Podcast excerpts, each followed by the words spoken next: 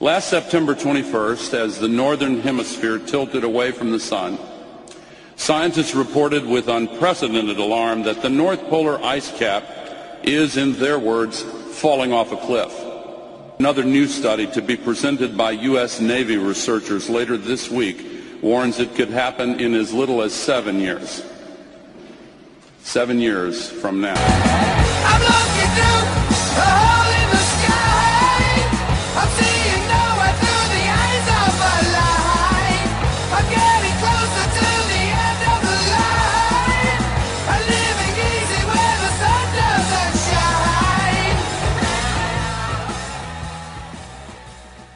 Gore se voorspelling oor die Noordpool is deur twee wetenskaplikes, Pieter Wadhams en Wisław Maslovski, beamoen en die wêreld het dit geglo want die wetenskap is immers betroubaar.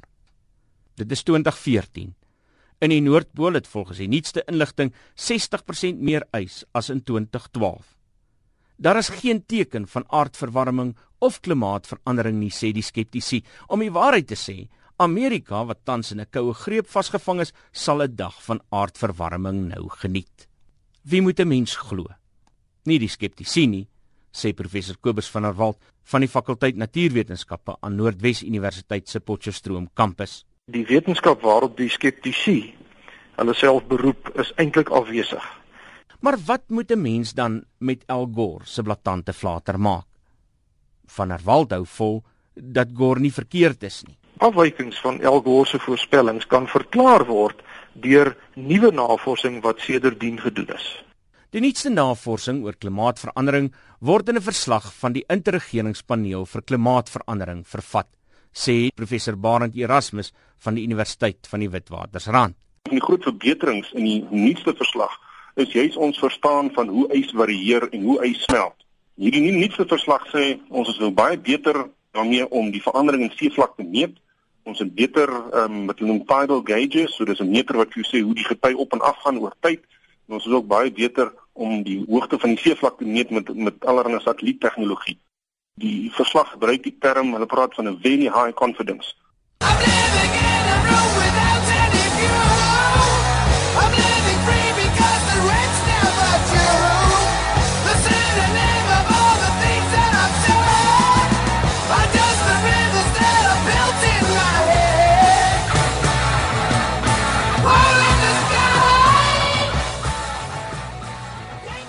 Maar, sê professor van der Walt, die wêreld waarin ons leef, laat hom nie sommer vir ons plesier deur allerlei slim modelle inbreek nie. Die, om die atmosfeer se gedrag te voorspel is, is sekerlik die mees komplekse ding wat die mens nog ooit probeer het. En en daar is dinge soos wat ons nou sien, hier skielik uit die bloute uitspring 'n jaar uit waar daar 60% meer ys op die noordpool is teen alle verwagtinge in. En daar gaan nog meer sulke goed gebeur. Dit verander nie die werklikheid van klimaatsverandering en die gevolge daarvan nie. En dit neem nie die mense aandeel hieraan weg nie. Maar ons hoef darm nie in 'n massa-hysterie te verval nie, sê professor Erasmus. Dit is onwaarskynlik dat al die ys binne ons leeftyd gaan smelt. Om die waarheid te sê, dit is onwaarskynlik dat ons binne die volgende millennium sulke kondisies sal sien. Maar hoekom is die pole so 'n belangrike element in die klimaatsveranderingsgesprek? Ons gebruik die die hoeveelheid ys as 'n as 'n barometer om vir ons te sê so hoe hoeveel het die aarde al verwarm. En dis een van die goed wat ons die maklikste kan sien. Die die meer langtermyn implikasie is dat as ons al die ys gaan verloor, kyk ons hier na 'n 7 meter verhoging in in die seevlak en dit is dit is groot. Maar wat maak 'n mens as een van ons tyd se invloedrykste wetenskaplikes om teenoor die heersende mening staan maak? Die fisikus Freeman Dyson ontken nie die werklikheid van klimaatsverandering nie, maar hy speel nie saam met die ander wetenskaplikes in dieselfde arena nie. Well, that's a big subject of course and I mean I don't like the word catastrophe. I don't think there's any catastrophe there, but certainly the climate is changing and that's important. It's always been changing. We've, we've ne there's never been a time when the climate stayed put for any length of time. I watch the dogs of war enjoying their feast. I'm seeing the western world go down.